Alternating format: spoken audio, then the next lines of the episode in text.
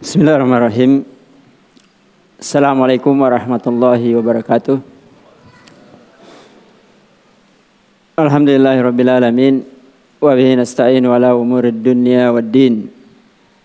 Asyhadu an la ilaha illallah wahdahu la syarikalah wa asyhadu anna nabiyyana Muhammadan sallallahu alaihi wa ala alihi wasallam. يا أيها الذين آمنوا اتقوا الله حق تقاته ولا تموتن إلا وأنتم مسلمون.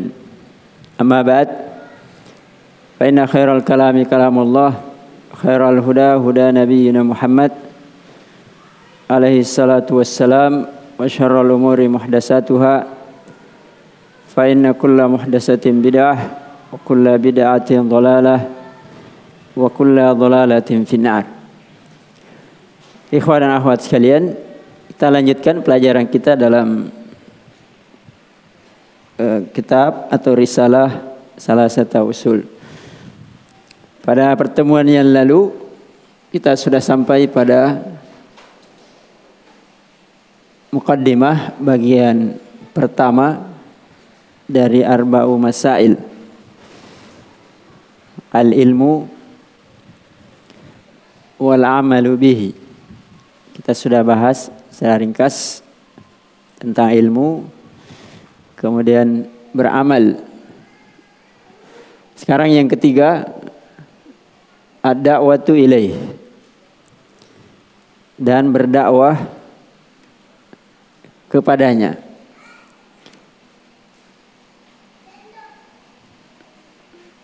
Seorang muslim punya kewajiban untuk berdakwah. Bagaimanapun posisinya. Setelah dia punya kewajiban berilmu, kewajiban beramal, sekarang kewajiban berdakwah. Jadi kewajiban berdakwah bukan milik kelompok tertentu, milik pemilik gelar tertentu ya. S3 S4 bukan pemilik uh, lembaga tertentu tapi kewajiban berdakwah itu milik dan menjadi kewajiban setiap muslim. Cuma kadar kewajibannya yang berbeda Nah, kalau setiap muslim kadarnya sesuai dengan apa yang dia tahu. Sesuai dengan kadar apa yang dia tahu. Balighu anni walau ayah.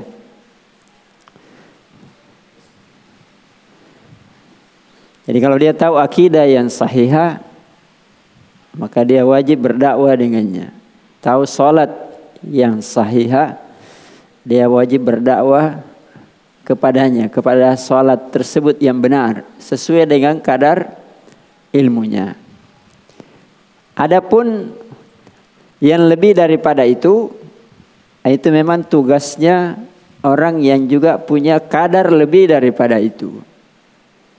Misalnya untuk berpatwa itu hanya miliknya ulama yang mengajar dia harus punya kadar ilmu lebih. Dia pernah belajar lebih daripada yang lain. Diakui bahwa dia bisa mengajar. Atau lembaga fatwa memang tugasnya berfatwa. Nah, itu kadar lebih. Dan itu bukan milik setiap muslim bukan kewajiban setiap muslim, tapi kewajiban yang memang memiliki kadar ilmu lebih daripada yang lainnya atau punya keahlian khusus memang untuk berdakwah sesuai dengan kadar ilmu tersebut. Yang dipahami ya. Supaya dibedakan. Jadi kewajiban setiap muslim berdakwah. Kapan pun, di mana pun, siapa pun dia. Tetapi untuk yang lebih daripada itu, ya yang mempunyai juga kadar ilmu atau tugas kewajiban yang lebih daripada itu. Nah, itu kadarnya yang wajib diketahui. Jangan sampai karena setiap muslim punya kewajiban berdakwah, ya maka dia mau berdakwah juga sesuai dengan yang dia lihat orang lain berdakwah. Nah, itu tidak boleh. Ya. Sesuai dengan kadar yang dia miliki saja. Dan dakwah itu adalah perkara yang wajib. Karena agama ini wajib didakwakan bukan diilmui dan diamalkan saja tapi memang wajib untuk didakwakan Islam rahmatan lil alamin. Islam agama kebaikan. Islam agama yang mencintai orang lain. Karena itu para ulama mengatakan kalau ilmu dan amal itu untuk diri sendiri. Ilmu dan amal untuk diri sendiri. Kalau dia ingin menyelamatkan dirinya, dia wajib berilmu dan beramal. Tapi orang muslim karena dia punya Islam, dia tidak ingin selamat sendiri. Tapi dia ingin juga menyelamatkan orang lain. Dia tidak ingin hanya baik sendiri, tapi dia juga ingin orang lain baik. Ya. Dia tidak hanya mencintai dirinya sendiri, tapi dia juga mencintai orang lain. Makanya ada namanya dakwah. Ya. Berdakwah kepada hidayah.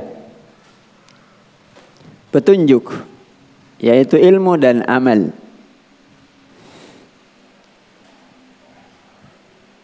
Karena itu orang senang kalau diberi hadiah, ya.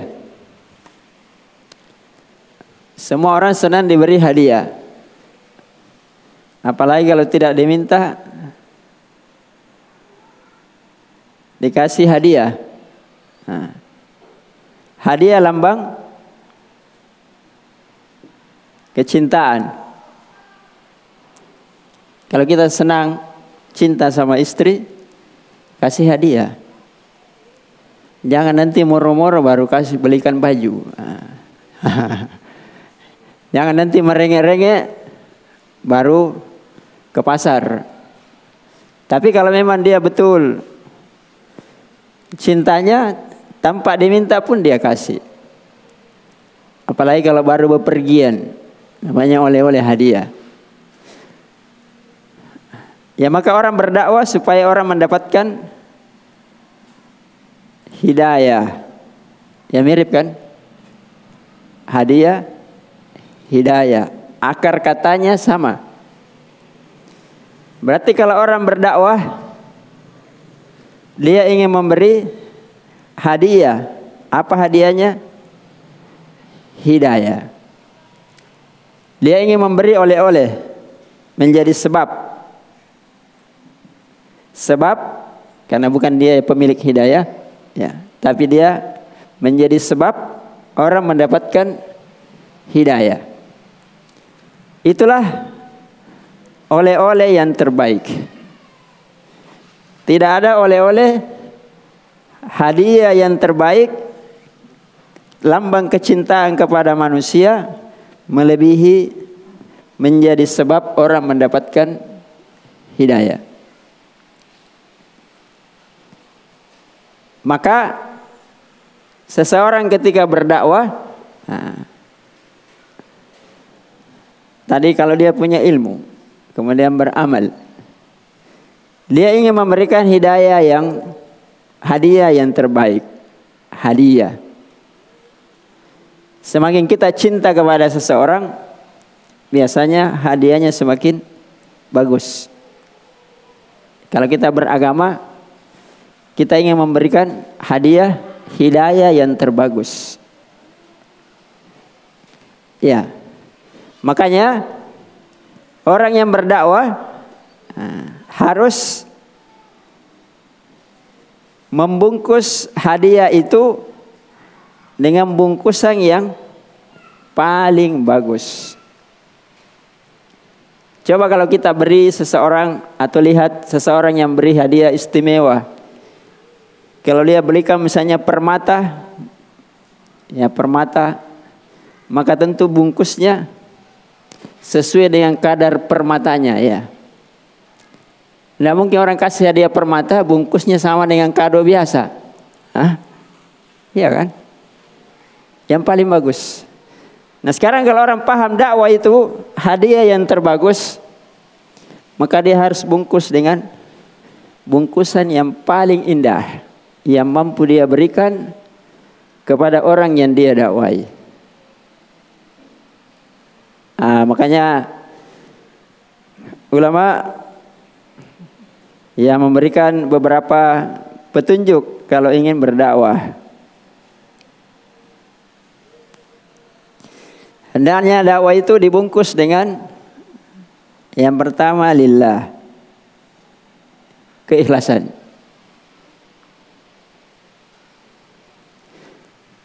Semakin cinta kita kepada seseorang dibangun dari kecintaan kepada Allah, maka dakwah itu semakin ikhlas. Kita ingin mendakwai orang, orang tahu akidah yang sahihah, tahu ibadah yang baik, harus dibangun di atas keikhlasan.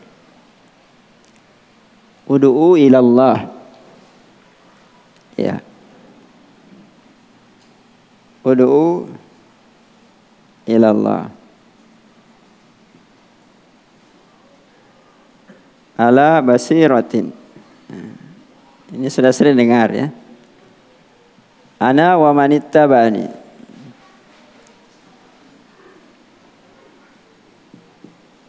Wa subhanallah wa ma'ana minal musyrikin. Berdakwalah kepada Allah. Jangan berdakwah kepada diri sendiri. Jangan berdakwah kepada lembaga. Jangan berdakwah kepada apa pun yang lain. Tapi berdakwah lillah. Supaya orang mengenal Allah. Supaya kita juga mendapat pahala hanya dari Allah. Ya. Adapun yang lain-lainnya itu urusan lain-lain. Bukan inti dan bukan pokoknya. Ada atau tidak ada tidak ada masalah. Kalau ada ya kebaikan di atas kebaikan. Kalau tidak ada, tetap maksimal kebaikannya. Kami ya. Yang kedua, ya dakwah itu dibungkus dengan ala basira di atas ya ad-dakwah itu mabniyatun alal ilm. Dibangun di atas ilmu. Jadi dibungkus dengan ilmu. Karena banyak orang dakwanya dibungkus dengan lawak. Hah? Supaya menarik kan? Dibungkus dengan lawak. Dibungkus dengan musik. Dibungkus dengan apa bungkusan yang lain? Macam-macam ya. Itu kan untuk menarik. Ada yang bungkus dengan hadiah-hadiah uh, yang lain uh, atau macam-macam. Tapi kalau dia tahu ini pokok ya yang harus dipaham oleh semua muslim, dia bungkus dengan ilmu. Makanya ilmu itu tidak pernah usang. Tidak pernah usang. Kalau orang bungkus dengan lawak, ya kalau sepanjang dia masih bisa berlawak diterima. Tapi kalau sudah tidak bisa berlawak, atau ada lagi yang lawaknya lebih menarik ditinggal. Nah.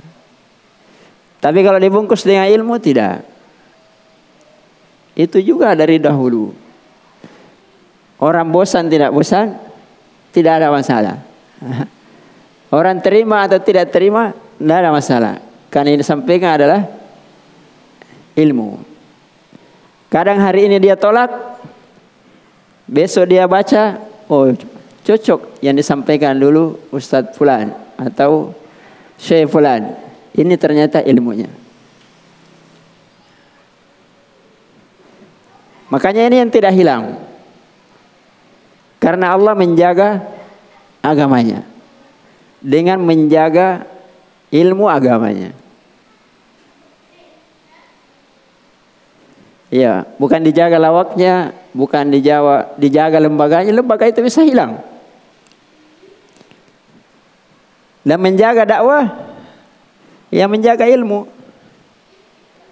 Makanya keliru orang ketika menganggap bahwa orang yang mengajar itu duduk di majelis membaca hadis Nabi, tafsir Al-Quran atau sebagainya, itu tidak uh, berkembang, tidak mendukung perkembangan agama, tidak.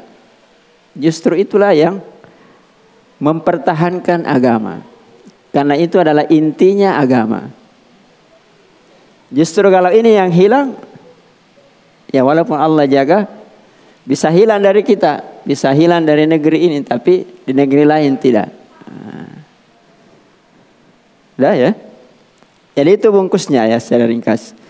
Harus dibangun di atas ilmu. Kemudian yang ketiga,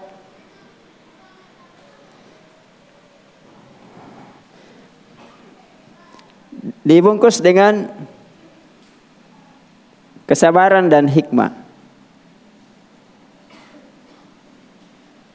Nanti kita bahas sabar ya. Keempat. Jadi ilmu harus dibangun di atas kesabaran dan hikmah. Jangan dibangun di atas orang mengatakan hamasa, semangat. Ya. Sebagai orang kan berdakwah semangat, turun di jalan, khutbah, yang membakar semangat. Ya. Karena dia bungkusnya hanya itu, semangat. Jadi kalau sudah hilang semangatnya, ya hilang dakwanya. Sabar. Karena memberi hadiah harus sabar. Kadang orang terima, kadang setengah terima, kadang ditolak. Ya, maka dia harus ya sabar. Karena dia hanya ingin memberi hadiah. Nah, orang tolak, alhamdulillah. Orang setengah terima, alhamdulillah. Orang terima, ya alhamdulillah binikmatihi tatimmus salihat. Nah. Kemudian hikmah. Ini ringkas saja ya kalau dibahas panjang lebar. Hikmah artinya menempatkan sesuatu pada tempatnya. Jadi berdakwah itu juga harus menempatkan sesuatu pada tempatnya, menempatkan dakwah pada tempatnya. Di mana dakwanya? Siapa yang didakwai? Apa yang mau didakwakan kepadanya? Kira-kira bahasanya ini dipahami atau tidak? Nah, itu namanya hikmah. Ya. Jadi berdakwah kepada manusia dibungkus dengan hikmah. Ada orang atau sebagian manusia berdakwah karena saking hikmahnya dia melanggar ilmunya. Yang bid'ah dikatakan tidak apa-apa. Karena terlalu hikmah. Jadi hikmah itu tidak identik dengan bermudah-mudahan. Lembut tapi tegas. Lembut tapi jelas. Bukan kasar, bukan uh, apa namanya anarkis, tapi jelas dan tegas. Tapi disampaikan dengan arifku walil, lembut dan penuh kasih sayang. Kita jangan bahas panjang, terlalu panjang ya, nanti tidak selesai. Yang keempat, halul madu. Nah, halul atau madu uwin. Memperhatikan ya, membungkus dakwah itu dengan memperhatikan keadaan orang yang didakwai. Orangnya dia pejabat atau bukan? Penguasa atau rakyat biasa? Orang kaya atau orang miskin? Dia punya ilmu sebelumnya atau jahil? Ya, atau ya bagaimana keadaannya? Dia negerinya bagaimana, kampungnya bagaimana? Itu semua harus diperhatikan supaya dakwah itu dibungkus sesuai dengan keadaannya. Ya. Ya, sampai sini ya. Jadi ini kewajiban. Kewajiban setiap muslim berdakwah sesuai dengan ilmu dan amal yang dia tahu. Tapi harus dibungkus, harus ikhlas. Hanya karena Allah kemudian mendakwai sesuai dengan ilmu yang sampai padanya. Jangan ditambah-tambah yang dia tidak tahu. Walaupun dengan maksud supaya orang mendapatkan hidayah. Ya, itu kan maksudnya begitu. Ada orang sampaikan hadis-hadis palsu, cerita-cerita yang tidak tahu ujung pangkalnya, walaupun memberi semangat. Ya, tapi itu tidak tidak bagus untuk berdakwah. Karena suatu saat ketahuan tidak benar dan pasti akan ketahuan. Cepat atau lambat pasti akan ketahuan.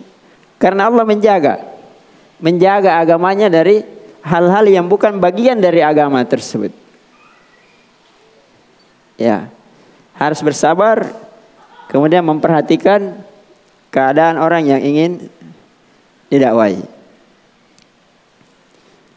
Nah, jadi tadi kesimpulannya ilmu dan amal itu untuk dirinya sendiri. Ya. Nafsuhu. Untuk dirinya sendiri. Dakwah ini untuk orang lain. Makanya dikatakan orang yang sempurna sebagaimana para ambia ketika dia menyempurnakan dirinya dan menyempurnakan orang lain. Makanya Imam Ahmad rahimahullah ketika ditanya Bagaimana caranya memperbaiki niat ketika belajar? Bagaimana caranya memperbaiki niat? Kan semua orang mengatakan apa niatnya? Ya lillah, lillah, lillah. Tapi bagaimana caranya lillah? Ketika dia belajar, niat awalnya untuk islahi nafsihi, memperbaiki dirinya. Maka ketika kita belajar, jangan dulu pikir orang lain. Bagaimana orang tuaku? Bagaimana saudaraku? Wih kampungku banyak kemaksiatan, banyak khurafat, banyak bid'ah, apalagi banyak kesyirikan. Tidak usah dulu dipikir. Karena itu bukan tugasnya. Tapi bagaimana dia pikir dirinya dulu. Memperbaiki dirinya. Karena bagaimana caranya memperbaiki kampungnya, memperbaiki orang tuanya, memperbaiki saudaranya, memperbaiki segala macam yang dia pikirkan itu, kalau dirinya sendiri tidak baik, ya tidak mungkin kan? Nah, jadi pikirkan dulu bagaimana memperbaiki diri. Sama orang mau menikah, oh saya mau menikah si pulan yang begini, yang begini, yang begini, yang begini. Ya enggak usah dulu pikir. Pikir dulu perbaiki diri. Kalau diri kita baik, dapat yang baik, tambah baik. Kalau diri kita baik, dapat yang kurang baik, kita bisa perbaiki dia. Nah, jangan dibalik. Nah. Oh, saya mau menikah dengan hafil dia mengajinya saja tidak beres. Nah, Nanti dia yang diperbaiki kalau bisa. Kalau istrinya mau, kalau tidak. Sementara kalau dia misalnya menikah dia yang menjadi uh, kawamun ala nisa. Dia jadi pemimpin. Uh. Setelah itu juga berniat memperbaiki orang lain supaya sempurna kebaikan. Dah yang jelas? Kemudian yang keempatnya. As-sabru alal adzafi. Bersabar. Karena umumnya berdakwah itu akan mendapatkan tantangan dan gangguan. Itu keumuman. Walaupun ada juga yang tidak. Tidak berjalan mulus. Seperti jalanan tadi ya. Kalau mau baik, nah, susah dulu. Tidak ada yang baik tanpa susah dulu. Dan sunnatullahnya seperti itu. Para nabi, para rasul, semuanya mendapatkan gangguan. Karena merubah manusia dari apa yang menjadi karakternya, apa yang menjadi kebiasaannya, itu pasti mendapatkan penentangan. Coba yang ringan saja. Kita misalnya orang Indonesia makanannya apa? Nasi. Kita mau roba menjadi roti. Ditolak tidak? Kalaupun tidak ditolak susah. Karena sudah menjadi kebiasaan. Padahal makanan itu mungkin kita tidak berselisih sama dia. Bisa ini, bisa itu. Sama saja kandungannya atau mungkin ini lebih baik. Dia tidak tolak dari sisi itu. Tapi merubah dari karakternya, kebiasaannya, adat yang sering dia lakukan, itu susah. Bagaimana kira-kira kalau Karakternya itu keyakinannya khurafat. Sudah turun temurun setiap tahun ke sungai. Potong kerbau. Ya, setiap ada masalah barasanji nah, misalnya ya. Biar mesinnya rusak, barasanji dulu. Sudah menjadi karakternya. Jadi kalau kita dakwai pasti ini pertentangan keyakinan lebih bertentangan daripada roti dengan nasi, iya. Hah? Pasti penentangannya keras karena ini menyangkut keyakinan. Ya, keyakinan itu orang biasa mempertahankan mati-matian. Kalau suruh makan roti tidak ya. Walaupun marah-marah. Tapi kalau suruh robah keyakinannya, ah, bukan perkara mudah. Terbiasa dia dengan amalan-amalan bidah. Maulid misalnya sekarang ya. Atau apalah yang lain-lainnya. Ya pasti mendapatkan penentangan. Ya makanya kewajiban. Nah, kewajiban kalau ingin baik agama harus mempunyai akhlak yang mulia ini. Harus punya kesabaran. Jadi kalau orang ingin baik agamanya, semua orang. Jangan dibilang yang sabar itu hanya ustadz, hanya kiai atau hanya ulama, tidak. Semua orang muslim harus punya kadar kesabaran. Kewajibannya dia harus sabar. Walaupun kesabaran orang itu berbeda-beda, tapi dia harus punya kadar ahlak sabar. Ya, bahkan Sabar ini bukan dimulai saja ketika berdakwah. Tapi dimulai ketika belajar.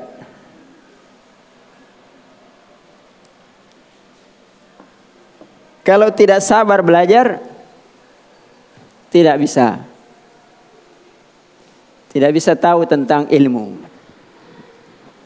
Karena itu seandainya semua orang sabar belajar ilmu sudah jadi ustadz semua. Tapi karena banyak yang tidak sabar, ya maka dia tidak dapat ilmu. Ya jadi minimal ya kita punya kadar kesabaran. Sabar dalam belajar. Harus menahan diri sabar duduk, sabar mendengar, sabar kadang dimarahi ya. Kalau orang dulu kan begitu dimarahi. Kalau sekarang kan enggak, dimarahi melapor. Itulah terbalik. Anak santri apalagi kalau dipukul, Pak. Gurunya bisa masuk penjara. Ya padahal ilmu itu kadang didapatkan dengan tekanan yang keras. Karena kalau tidak, ya tidak bisa. Karena jiwa itu, kata para ulama, an-nafsu katifil. Jiwa itu seperti anak-anak. Hari ini dibilangin begini, iya, iya. Pulang dari, keluar dari majelis, lain lagi yang dia kerjakan. Kan begitu. Hah? Kalau di majelis ilmu kan orang baik-baik semua ya. Baik sama istrinya. Tapi pulang marah lagi. Pulang tidak dibelikan lagi hadiah. Dan seterusnya. Jadi jiwa itu harus dididik seperti anak-anak. Hari ini belum bisa, besok diingatkan lagi. Hari ini belum bisa, besok diingatkan lagi. Sampai dia bisa. Setelah bisa, dijadikan kebiasaan sampai menjadi karakter. Nah, itu baru bisa berubah. Makanya ilmu itu seperti pelajaran ini harus selalu diulang-ulang. Sudah? Kemudian bersabar juga setelah punya ilmu beramal. Karena kalau orang tidak sabar dalam beramal, dia tidak akan kerjakan. Mau sholat harus sabar. Ya, kalau dia orang muslim kan tahu kewajiban sholat. Tapi dia tidak bisa menyabarkan dirinya untuk mengerjakan sholat tersebut. Puasa apalagi. Banyak orang rajin berolahraga, bagus badannya. Napasnya panjang. Iya kan? Tapi kalau disuruh puasa, langsung mati kutu. Tidak bisa. Karena tidak sabar. Kemudian dalam amal itu ada kesabaran yang lebih penting. Kata para ulama, beramal itu sabarnya tiga. Sebelum, ketika mengerjakan, dan sesudahnya. Sebelum beramal, orang harus sabar.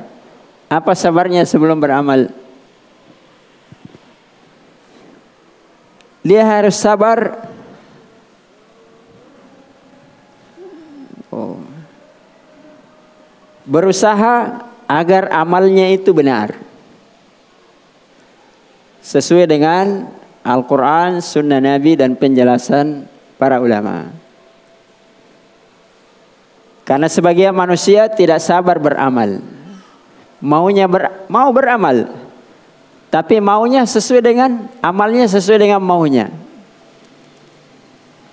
Nah, saya mau beramal, eh pokoknya salat di mana harusnya begini, ah tidak. Hai, urus rapat, urus lurus, ah. ah. Tidak sabar. Ya belum lagi kalau mempelajari bagaimana ibadahnya itu benar, bacaannya benar, gerakannya benar. Itu kan perlu kesabaran yang luar biasa.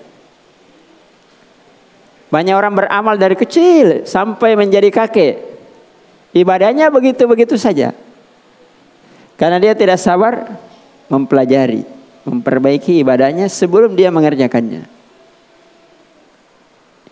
Yang kedua, ya. Asna al-amal, ketika mengerjakan amal tersebut harus sabar.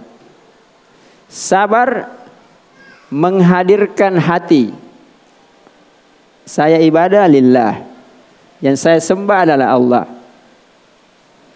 Sehingga hatinya tidak ke mana-mana ketika dia beramal. Makanya Nabi Shallallahu Alaihi Wasallam mengatakan banyak orang salat, tapi dia tidak dapat bagian dari salatnya kecuali separuh. Berarti banyak lari-lari amalnya, ya kan? Kayak orang pertandingan keluar dari garis. Nah. Ada yang dapat sepertiganya. Bahkan ada yang hanya dapat sepersepuluhnya. Bahkan mungkin ada yang tidak dapat apa-apa. Berarti itu butuh kesabaran. Yang terakhir,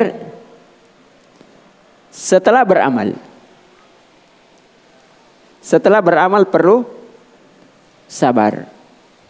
Apa sabarnya setelah beramal? Karena orang mengatakan ya sudah mi, apalagi sabarnya yang sudah, sudah berlalu, sudah selesai. Ah, orang yang beramal itu perlu sabar, walaupun dia sudah mengerjakannya, karena jangan sampai dia melakukan amalan sesudah dia beramal yang bisa mengurangi bahkan menghilangkan pahala dari amalnya.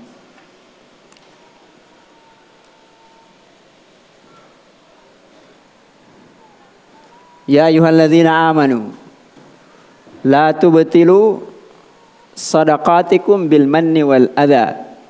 Wahai orang yang beriman, janganlah kalian membatalkan sedekah kalian. Dia sudah bersedekah. Selesai beramal kan? Tapi dia batalkan bil manni wal adha. Man selalu ingin eh seandainya saya tidak menyumbang.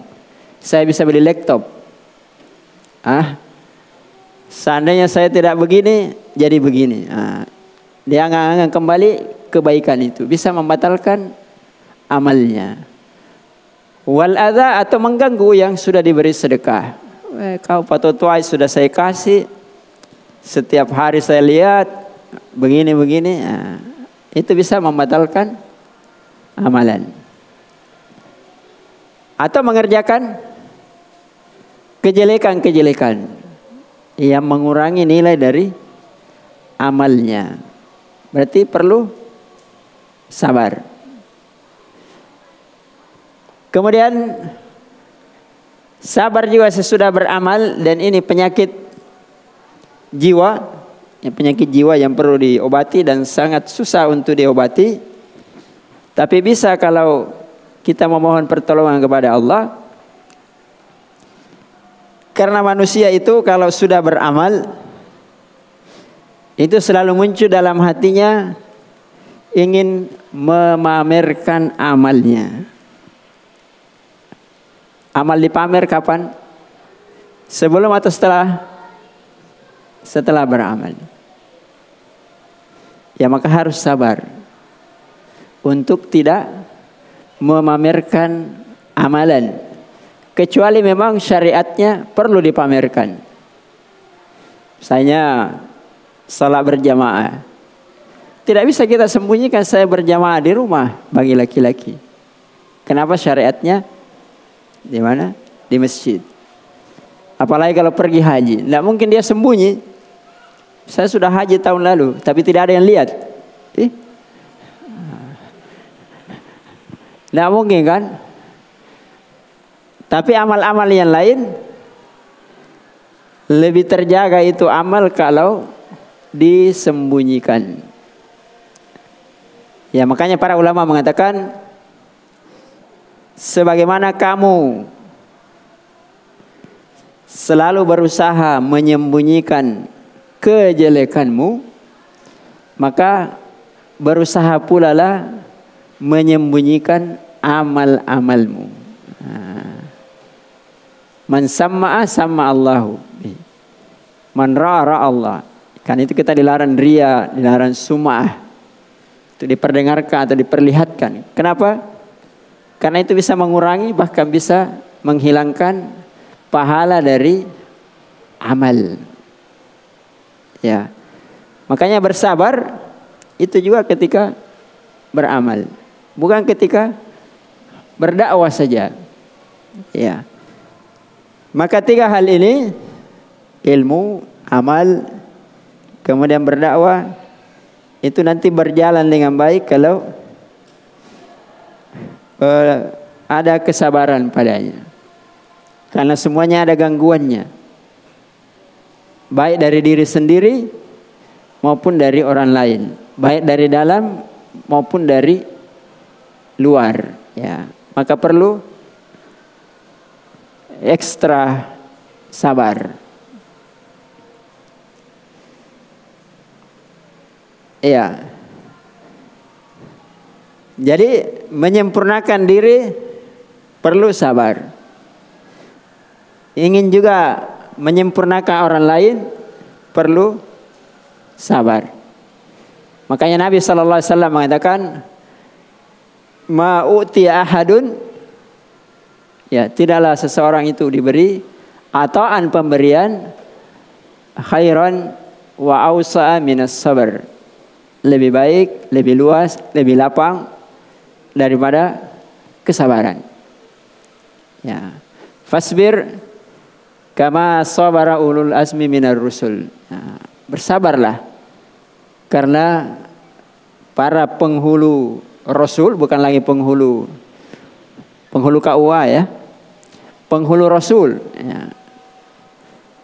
Apa rasul yang paling utama itu diperintah oleh Allah untuk bersabar. Dan disuruh kita mengikuti kesabaran mereka. Kenapa demikian? Karena mereka lah orang-orang yang sudah menyempurnakan ilmunya, amalnya, dan juga menyempurnakan kebaikan untuk orang lain dengan dakwanya. Dan itu hanya bisa diraih dengan kesabaran. Kama sabara. Nah. Sebagaimana sabarnya. Ya. Artinya kita belajar ini, ya berarti kita harus belajar sabar. Nah. Jangan sabar di awalnya saja ramai. Lama-lama mundur, mundur, mundur. Akhirnya tinggal empat orang, nah, tiga orang. Ya, sabar. Paham tidak paham, tetap hadir di majelis. Paham tidak paham, ngerti tidak ngerti, tetap hadir. Ya, kenapa? Karena dapat pahala sabar. Iya kan? Pahala sabar dan itulah pahala yang lebih paling baik di antara semua pahala yang diterima. Banyak juga orang paham cepat, tahu cepat, tapi tidak sabar. Ya. Belum sempurna ilmunya dan amalnya, ya sudah berdakwah ke mana-mana. Akhirnya kadang dia tidak sabar diganggu sedikit mundur, ada tantangan sedikit lari ke belakang. Ada masalahnya orang lain yang disalahkan macam-macam. Ya. Saya kira cukup ya. Nanti kita lihat dalilnya, kita jelaskan secara ringkas. Penjelasan para ulama, Imam Syafi'i dengan Imam Bukhari baru masuk pembagian tauhid. Wallahu a'lam ya. Sallallahu alaihi ala nabiyina Muhammad wa ala alihi wa ashabihi wa man tabi'ahum bi ihsan ila yaumil Subhana rabbika rabbil izzati amma yasifun wa salamun alal mursalin wa akhiru da'wana alhamdulillahi rabbil alamin. Assalamualaikum warahmatullahi wabarakatuh.